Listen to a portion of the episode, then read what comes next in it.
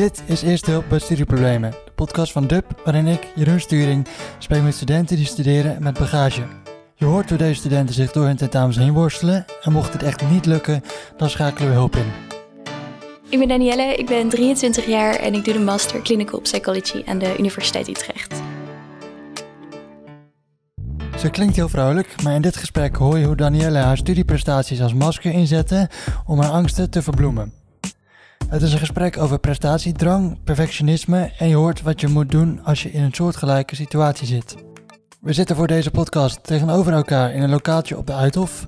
Danielle heeft een vriendin meegenomen om haar mentaal te ondersteunen bij de opname. Helemaal klaar? Kun je iets meer, eh, iets, ja, de microfoon iets meer naar je toe trekken? Beter? Ja. Ja. Oké, daar gaan we.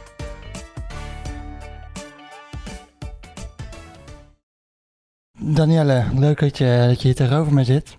Ja. Ehm, er waren allemaal dingen waardoor je niet goed tot studeren kwam. Of waar, je- waar heb je last van als je studeert? Ehm, bij mij is het eigenlijk meer zo dat ik ehm, door onderliggende problematiek me heel erg gefocust heb juist op studie. Om andere dingen te vermijden heb ik juist alles op studie gegooid. Eh, waardoor ik alleen maar wilde presteren en presteren en studie eigenlijk het belangrijkste werd. Ehm, tot ik uiteindelijk ja, zoveel daarmee bezig was dat ook dat weer te veel werd. Ja, Ehm, maar ga je dan ook als je, want dan identificeer je je eigenlijk met je studieresultaten, kan ik me zo voorstellen. Ja, Dus als je dan een, een, een minder cijfer krijgt, dan moet dat heel hard bij je aankomen. ja, ja, ik probeer dus ook echt om dat te voorkomen. Om gewoon zo hoog mogelijk te presteren om dan daar voldoening uit te halen. Ja, en hoe ver gaat dat? Ver, echt heel veel, heel veel studeren. Ja, En hoeveel hebben we het dan over? Ehm, ja een vast uur, aantal uren zou ik niet kunnen zeggen. Maar wel dat als ik een acht haalde, was ik niet tevreden. Nee. Nee. nee. Maar hoe ziet je dag er dan uit? Je staat op en, en dan?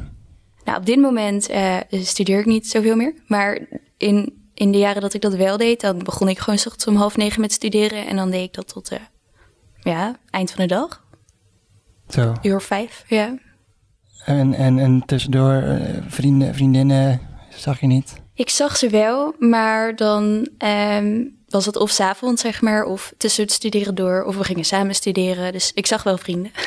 Maar ehm, studeren kwam wel altijd op één. Ja. Ja. ja. En, en hebben je vrienden eens wat van gezegd? Of, eh, Nee, ja, ik denk dat het ook wel een beetje bij mij past of zo. Mensen wisten gewoon dat ik heel veel tijd in mijn studie stopte. ja. En dat deed ik op de middelbare school al. En hier is het ook, denk ik, hoe ze me hebben leren kennen. Dus ik, ja, ik studeerde gewoon veel. ja, op zich is streven niet een, een hele vervelende eigenschap. Nee, Het is, het is wel een, een, een, een positief ding eigenlijk. Maar je kan er ook in doorslaan. ja, dat Denk je is van het. jezelf dat je erin doorslaat of bent doorgeslagen? Ik denk het wel. Ik denk wel dat ik zo lang zo veel van mezelf heb gevraagd en alles zo perfect wilde doen dat het nu te veel is geworden. Ja, Want het is te veel geworden. ja dat denk ik wel. Ja. Eh, leg eens uit, hoezo dan? Ehm, nou, ik ben dus vorig jaar gestart in september met mijn master. Want je Ehm. bent eh, klaar met je bachelor? Ja, mijn bachelor heb ik gedaan ook in een jaar extra vanwege therapie. Ehm, dus het kwam niet uit in, in drie jaar, dus heb ik dat in vier jaar gedaan. Eh, en daarna mijn master wist ik al wel dat ik dat waarschijnlijk ook niet in één jaar zou kunnen. Dus ik heb dat, ja, het plan was om dat in anderhalf jaar te gaan doen. Maar afgelopen jaar is het best wel achteruit gegaan. En ehm, ja, kwam ik eigenlijk achter dat ik gewoon heel erg vastloop, waardoor ik nu ook niet, ja, ik nu niet verder kan in ieder geval met mijn master. Dus ik stop ook vanaf eh, september tijdelijk dan met studeren, Hmm. tot dat weer kan. Maar waar loop je dan nu vast? Ja, vooral in mijn eigen problematiek. Dus dat ik, dat ik studie nog steeds heel erg gebruik om niet aan mezelf te werken. Ehm, en dat ik daarin gewoon heel erg veel van mezelf vraag, denk ik. En dat studie op dit moment te veel energie en spanning kost. Ehm, en ik dat nu niet op kan brengen. Want eh, het, het wilde gewoon niet meer studeren. Nou, het studeren zelf op zich wel. Wat ik nu moet, nog moet doen is, is een stage. Eh, en dat is toch wel, zeker in de psychologie, zo confronterend als je zelf Hm. daar ook nog mee bezig bent. Dat het, ja, de, de angst om dat te gaan doen was heel groot en de weerstand ook. Ja. Dus toen hebben we besloten om eerst op therapie te focussen en daarna weer verder te gaan. Ik vind het zo interessant dat je dus de hele tijd zegt van... eh, ik gebruik mijn studie om het een en ander te onderdrukken. En eh, dat doe je heel bewust als ik je zo hoor. Ja. En opeens komt er een punt waarbij je zegt... hé, hey, maar nu kan het dat niet langer doen. Ja, het is echt, echt een omslagpunt of zo van het ene uiterste naar het andere. Ja. Hoe- eh, ik probeer te, onder, te ondergronden hoe, dat, hoe kan dat? Ehm, Weet je nou dat voor jezelf? Heb je dat, daar moet je zelf ook over nagedacht hebben. Ja, ik heb er heel veel over nagedacht. Ehm, en ik denk dat ik ja, eerder dit jaar een beetje tot het besef kwam van ja, ik zit nu al zo lang in de hulpverlening en ehm, ik, ik kom niet verder. Dus ja, wat ik nu aan het doen ben, dat heeft niet zo heel veel zin. Eh, dus er moet iets anders. En toen kreeg ik het behandeladvies om een intensief behandeltraject te gaan volgen. Eh, en daar heb ik heel lang over nagedacht of ik, of ik inderdaad dan mijn studie op wilde offeren, omdat dat wel voor mij ja, heel veel betekent.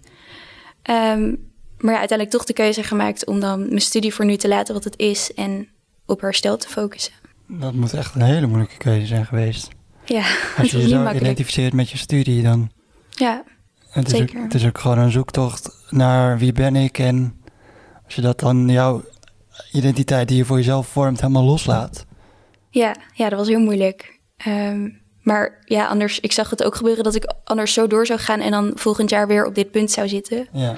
Ehm, en dan blijf je bezig. Want is het iets als een burn-out of zo? Kunnen we het daarmee vergelijken? Of is dat totaal niet wat het is? Nee, nee, dat is het niet. Ik denk gewoon dat het een combinatie is van al mijn angsten en eh, is, ja, combinatie dan met mijn, met mijn eetstoornis, dat ervoor zorgt dat, dat alles gewoon heel erg spannend en eng is. Mhm. Ehm, en ja, dat dat er dan nu voor zorgt dat ik niet echt verder kom, zeg maar, in wat ik wil, in mijn herstel. Ja, ja. Eh, ik blijf het wel vrij abstract vinden eigenlijk, hoe je het nu eh, vertelt. Ik zoek, naar, ik zoek naar een concreet punt waarvan je zegt van, nou, dit, dit, dit, dit, is waarom het niet meer ging. Of, Ehm, ja, ik denk als je iets concreets wil weten, dat vooral afgelopen jaar dat ik ehm, op een gegeven moment aan mijn masterthesis begon. Eh, en op- vanaf dat moment kreeg ik eigenlijk steeds meer paniekaanvallen, omdat ik dacht van ja, ik moet, ik moet nog zoveel doen en het lukt niet. En ik kan niet meer dat presteren zoals ik eigenlijk daarvoor wel kon. En daarvoor lukt het gewoon om, om dus de rest te onderdrukken en te studeren. En ja, dat, dat viel dus een soort van weg.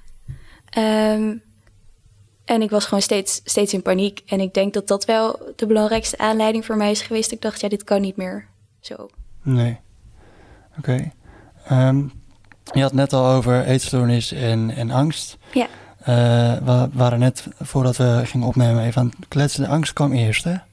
Ja, ja, dat wist ik zelf niet. Ehm, daar ben ik eigenlijk afgelopen jaar pas achter gekomen dat die, dat die angst onderliggend was. Eh, maar dat is wel de verwachting inderdaad, dat die al heel vroeg in mijn kindertijd begonnen is. En, en wat is de eerste herinnering die jij hebt van, van angst? Ja, ik was eigenlijk gewoon altijd een heel onzeker kind. Ehm, ik was gewoon best wel bang voor nieuwe dingen. Ik vond alles heel spannend. Ehm, ook wel zo'n kind dat van vaak buikpijn had of andere lichamelijke klachten gewoon uit, uit spanning. Eh, vrij afhankelijk van mijn ouders. Ehm, dus dat weet ik nog wel. Ja. Altijd aan het handje van mama nieuwe dingen pr- proberen. Ja, ja, zo voelde het in ieder geval wel. Ja. Alsof ik heel erg mijn, mijn ouders en die veiligheid nodig had. Ja. Ja. Hoe was het dan om op kamers te gaan? Eng, heel eng.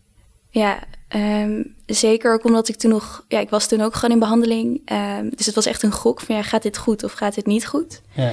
Maar eh, eigenlijk ging dat in het begin gewoon best wel goed. Ehm, maar ja, het is wel echt een, echt een gok geweest om te kijken of dat, of dat zou gaan lukken en hoe dat uit zou pakken. ja, je zegt in het begin. Dus Ja, na mijn eerste, denk ik, anderhalf jaar op kamers ging eigenlijk heel goed. Tot vorig jaar januari ongeveer.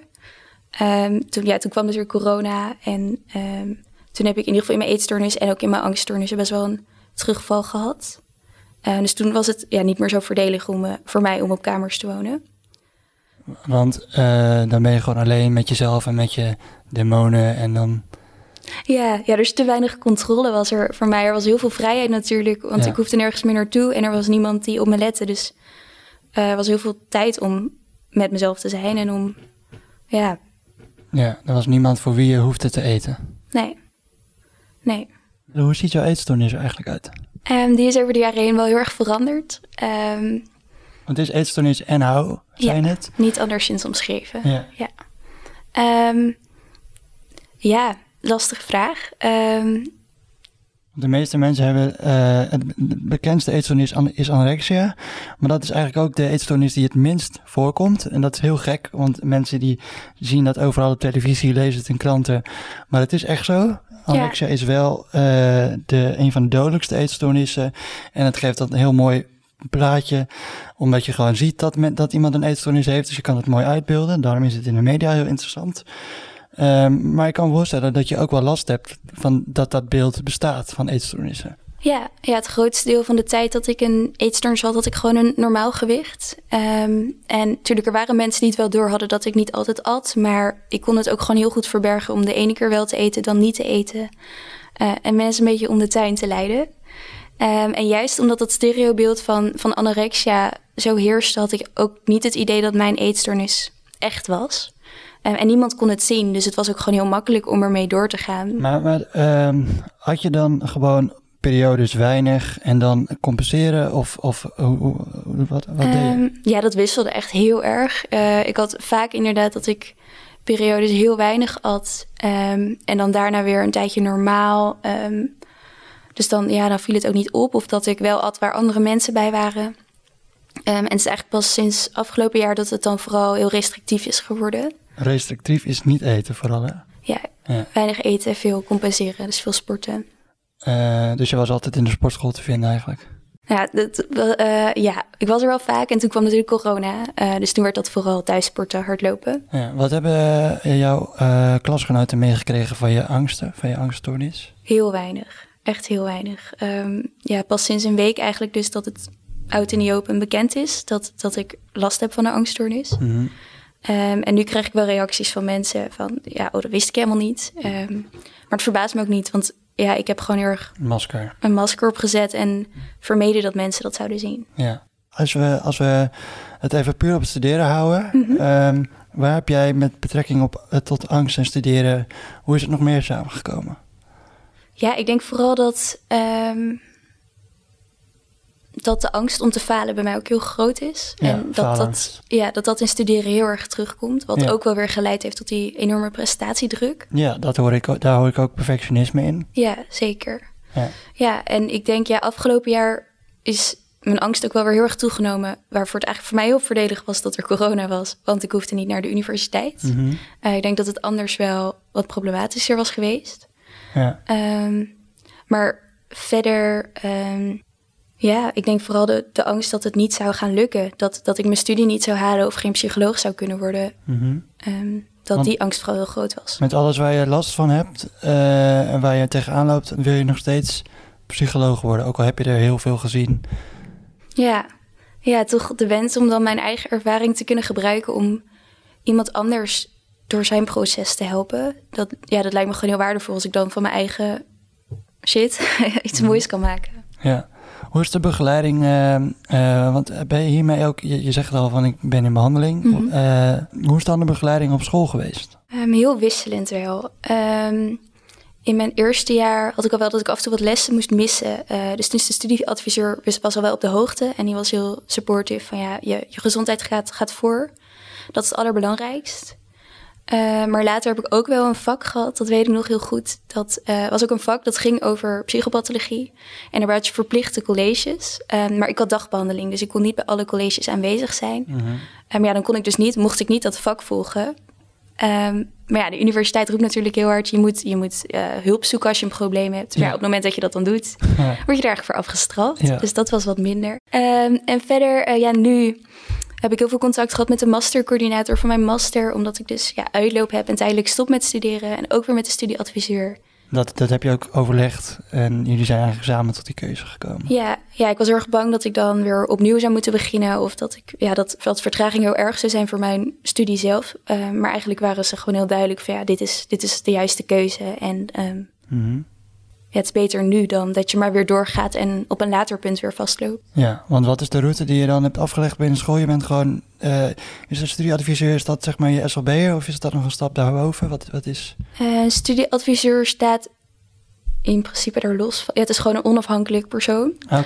Van wel volgens mij van onze faculteit sociale wetenschappen.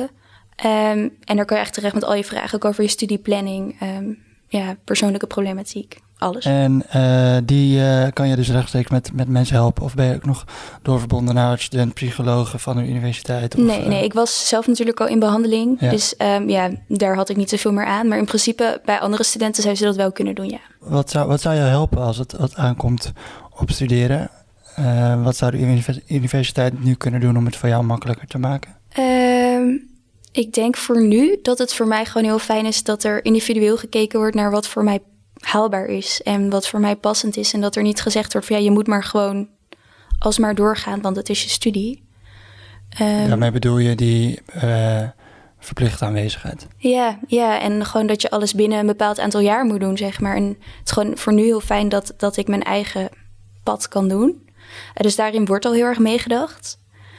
Um, maar ik denk wel dat wat ik in ieder geval best wel gemist heb in mijn, vooral mijn bachelors, dat ja, op het moment dat je slechte cijfers haalde, dan was er wel iemand die zei van nou, misschien moeten we even een gesprek hebben, zeg maar. Mm -hmm. Maar als je hoge cijfers haalde, dan was er niemand die naar je omkeek. Want dan ging het vast allemaal wel oh, goed. Ja. Ja.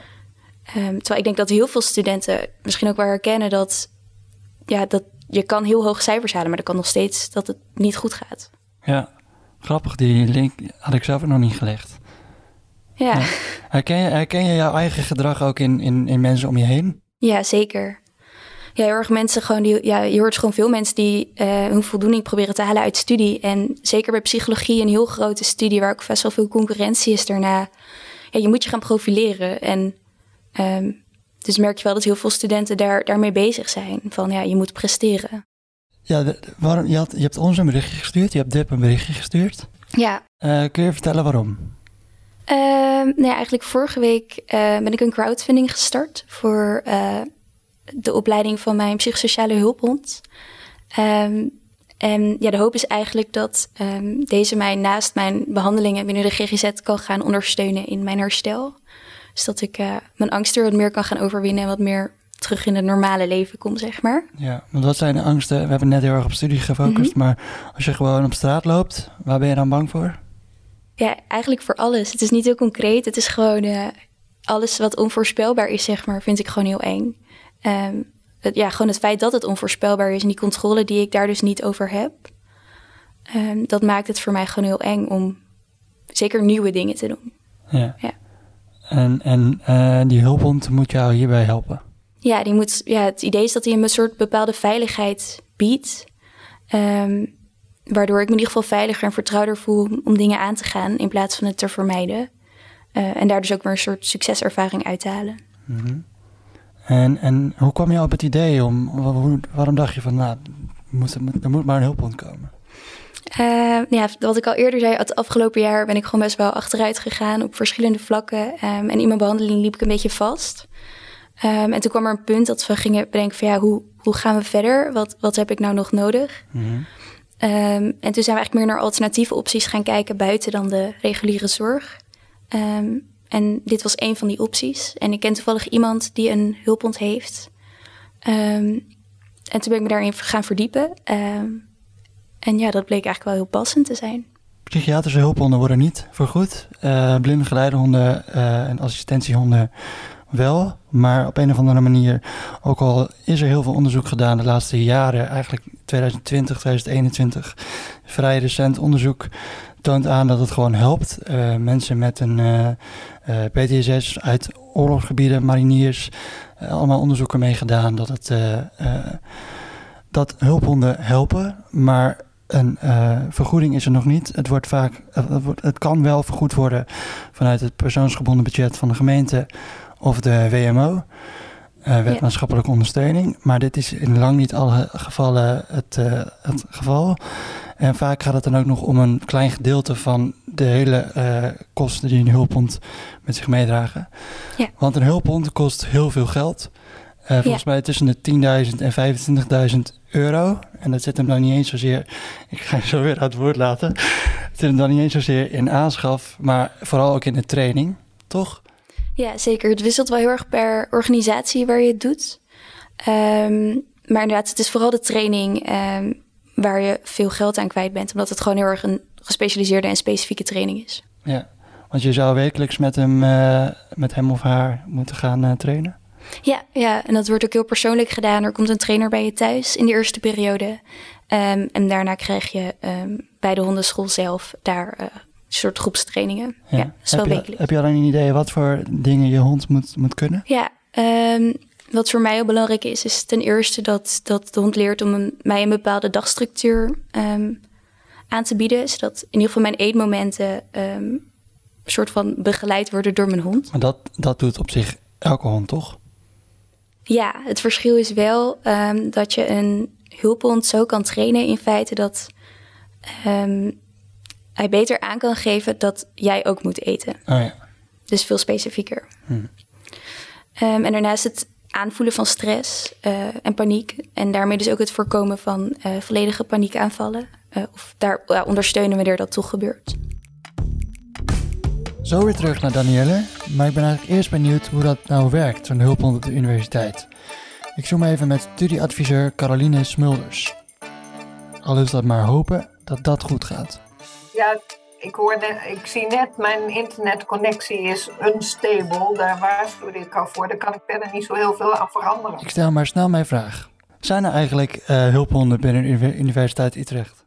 Ja, um, tenminste, we hebben wel ervaring met hulphonden. Um, zijn natuurlijk, je hebt de, de blinde geleidehond. Dat is de meest herkenbare hulphond. Mm-hmm. Maar wij hebben binnen de faculteit Sociale Wetenschappen ook wel uh, andere hulphonden die meer uh, met uh, psychische problematiek bijvoorbeeld helpen. Die, die lopen er wel rond? Ja. Ja. En eh, moet je daar, als je, als je een hulphond hebt, moet je dan, kun je dan zomaar gewoon die hulphond meenemen de klas in? Of is daar beleid nee, voor? Nee, want dan word je door de portier word je tegengehouden. Uh, want die zegt, hé, hey, er mogen geen honden in dit gebouw. Dus uh, meestal zijn hulphonden wel uh, herkenbaar als hulphond. Ze hebben meestal zo'n hesje aan. maar het is wel zo dat je... Kijk, wij zien de hulphond eigenlijk als een voorziening. Dus um, als iets wat jou kan helpen om beter te studeren. En voorzieningen worden altijd besproken met de studieadviseur. En op het moment dat een voorziening wordt toegekend, dus bijvoorbeeld het meenemen van een hulphond wordt officieel toegestaan, dan zorgen wij dat uh, portiers van gebouwen waar studenten komen die met een hulphond komen, op de hoogte zijn. En dan mogen hulphonden mee. Is er een kans dat de voorziening niet wordt goedgekeurd? Dat zou in theorie kunnen. Maar uh, in de praktijk heb je zo'n hulphond uh, niet omdat je af en toe een beetje ergens last van hebt. Maar is het echt wel een structureel probleem waar je vaak een officiële diagnose voor hebt. En uh, mm-hmm. ja, daar kunnen we meestal kunnen we wel die hulphond ehm, toestaan. Ik heb het nog niet meegemaakt dat wij um, de voorziening hulphond, wat eigenlijk geen structurele voorziening is, maar best wel een uitzonderlijke voorziening, um, hebben afgewezen. En werkt het eigenlijk als iemand dan eh, allergisch is voor honden of uh, een hekel heeft aan honden, een klasgenoot, die heeft dan maar gewoon pech? ja, ja, in principe um, zou dat in theorie voorkomen. Die, dat praktijkgeval hebben we nog niet uh, uh, gehad. Kijk, als je een hekel hebt aan honden, uh, jammer dan. Ja. Um, het wordt natuurlijk um, ingewikkelder als, we, als je allergisch bent voor honden. dat hebben we trouwens wel gehad met een blinde geleidehond, met een werknemer.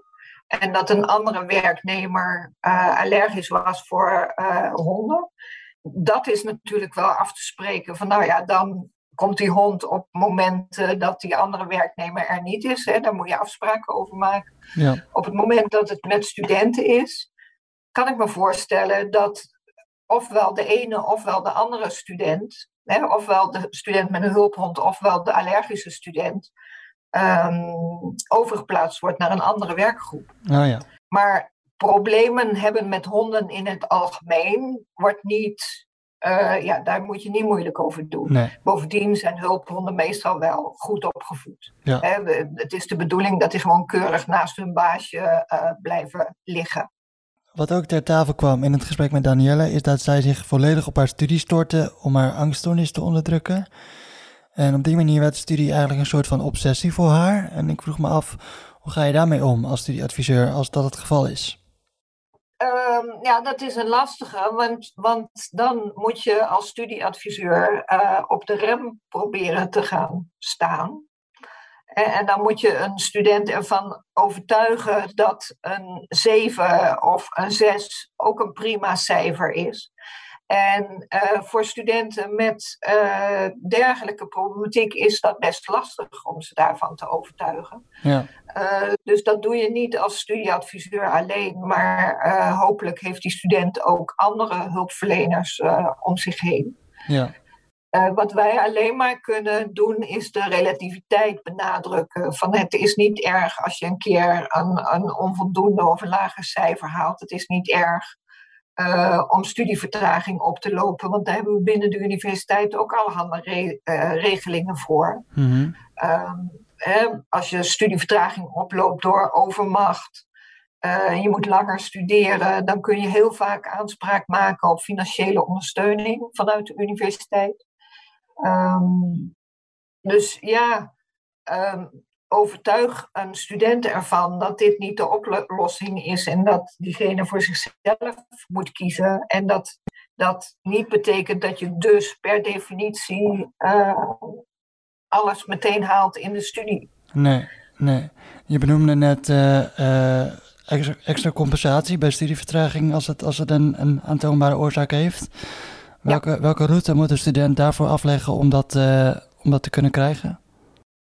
Um, in principe is het zo dat je altijd eerst bij een studieadviseur langs moet om aan te geven van joh, het, het loopt niet zoals ik zou willen en ik ben studievertraging aan het oplopen en wel hierom. Dat kunnen natuurlijk een heleboel diverse redenen zijn. Um, en op het moment dat je bij ons bent, wijzen wij je eigenlijk altijd op die uh, mogelijkheid voor financiële ondersteuning. Um, en uh, bij de faculteit Sociale Wetenschap is het zo, ook zo dat wij, en je moet vanaf 1 september, moet je die aanvraag doen over het studiejaar daarvoor. Dat wij in oktober meestal nog een mail naar alle studenten sturen die het aan zou kunnen gaan van joh, je zou eventueel in aanmerking kunnen komen voor financiële steun. Dus heb je daarover nagedacht, wil je dat aanvragen, doe het dan nu. Maar het loopt vrijwel altijd via de studieadviseur. Laatste onderwerp. Wat vind je van het voorstel van Danielle dat er door studieadviseurs niet alleen gekeken moet worden naar studenten die onderaan bungelen, maar ook juist naar studenten die bovengemiddeld presteren? Ja, ja. Ja, dat is een, dat is een ingewikkelde, want uh, we hebben natuurlijk uh, als studieadviseurs niet onbeperkt uh, de tijd om overal naar te kijken. Dus studenten die onderaan bungelen, uh, vallen eerder op dan studenten die bovengemiddeld presteren. Um, en het is in principe in alle gevallen in eerste instantie aan de student om, om aandacht te vragen als je die aandacht nodig hebt. Dus uh, ook um, studenten bijvoorbeeld met hoogbegaafdheid, die kom ik regelmatig toch tegen, omdat ze zeggen van ja, ik loop tegen uh, problemen aan. En, um, maar wij halen ze daar niet, wij halen ze niet naar boven. Nee. Um, dus uh, het belangrijkste is, uh, heb je last bij het studeren op een of andere manier, um, ga dan langs de studieadviseur. Want wij kunnen niet iedereen zelf naar boven halen. Snap je dat die stap dan uh, uh, van het accepteren en het hulp zoeken, dat, dat, dat het een stap is die heel moeilijk gezet wordt? Zeker, zeker. Maar ja, dat is een, een stap hè, die wij niet als studieadviseur kunnen oplossen, maar die een student in het leven uh, moet ondervinden en, en ja, daar verder in moet komen. Kun je daar als studieadviseur niet een actieve, actievere rol in gaan spelen? Nou, wat wij dus doen is inderdaad studenten die vertraging hebben opgelopen een mailtje sturen van joh, is er wat? Mail ons. Um, wij hebben tot op heden nog niet studenten die voorliepen uh, gemaild, is er wat? Uh, mail ons. Um, ik, ik weet niet of wij uh, dat voor elkaar krijgen, want je krijgt natuurlijk heel veel studenten die bewust uh, voorlopen. Mm-hmm. Um, en er zijn veel minder studenten die bewust achterlopen. Ja. ja. Dus um, wij zijn al heel laagdrempelig als studieadviseurs binnen de faculteit Sociale Wetenschappen. En normaal gesproken hebben we inloopspreekuren waar je gewoon meteen terecht kan. Uh, die zijn er nu in verband met corona natuurlijk niet. Maar we hebben nu wel een e-mailadres waar je gewoon al je uh, vragen op kan uh, zetten. En dan wat, is dat voor, wel, wat is dat voor e-mailadres? Uh, e-mailadres studieadviseurs.fsw van faculteit Sociale Wetenschappen uu.nl. Um, en wat zou je willen meegeven aan studenten die het lastig vinden om die stap te zetten naar de studieadviseur? Het is onze baan om je te helpen. het is uh, wij uh, oordelen en veroordelen niet. Um, het is natuurlijk altijd een stap om um, je persoonlijke problematiek met iemand anders uh, te bespreken. Maar um, doe het wel, want wij kunnen je zeker verder helpen en in ieder geval proberen om de studie zodanig in te richten dat jij hem zo goed mogelijk kunt doen. Dankjewel, Caroline. Gaan we weer naar Danielle, want hoe gaat het eigenlijk met de crowdfunding? Uh, hij staat nu anderhalve week online en ik zit nu op 41% ongeveer. En is er een datum dat de crowdfunding afloopt? Of? Nee, nee, voorlopig staat het nog wel eventjes online. Uh, ik heb geen haast, gelukkig. Nee, want wanneer moet, uh, moet, de, moet de hulphond er zijn? Um, ja, ik ga eerst nog een intensieve behandeling doen. En dat wil ik nog doen zonder mijn hond, zodat ik echt volledig op mezelf kan focussen. Um, dus daarna, dus het voorjaar van 2022 ja. En uh, je gaat nu eerst een jaar stoppen met, uh, met studie. Ja. En uh, dus dat wordt ook een hele zoektocht in, in wie je eigenlijk bent, volgens mij. Ja, zeker. Ja, het is een avontuur. Ja. En ben je daar gespannen voor? Ja, het is heel eng. het is echt heel eng. Maar ik denk ook nodig en goed. Ja. Hoe ga je het aanpakken? Wat ga je allemaal doen? Um, ja. Hobby's zoeken. Ja, naar therapie. ja, ik denk het. En gewoon um, inderdaad kijken wie ik ben zonder, zonder mijn studie. En zonder dat ik zoveel nadruk leg op prestatie, want dat hoeft dan niet meer. Ja. Um, en kijken wat er gebeurt als die druk wegvalt. Dit was aflevering 2 van Eerste Hulp bij Studieproblemen. Kom jij door welke reden dan ook niet goed tot studeren? Meld je dan even, dan help ik je in deze podcast. Stuur een mail naar deproductie.uu.nl meer weten over de crowdfunding van Danielle? Ga dan naar doneerdoel.nl en zoek even op de termen Danielle en hulphond. Dank voor het luisteren en dank aan mijn gasten Danielle en Caroline. Ik wil toch ook vriendin Nikki nog een vraag stellen, want wie is Danielle zonder haar studie? Nou, ze heeft een hele uh, lieve, warme persoonlijkheid. Ik denk dat uh, heel veel mensen zich heel erg op hun gemak voelen als ze bij haar zijn. En dat, uh, ja, dat is gewoon heel prettig. Om, en ja, ze heeft ontzettend veel humor. ik kan altijd heel erg om haar lachen. Mensen worden altijd heel blij van haar, ja. En ik vooral. Lief. Dus uh, sorry voor dit all you need is love momentje, maar...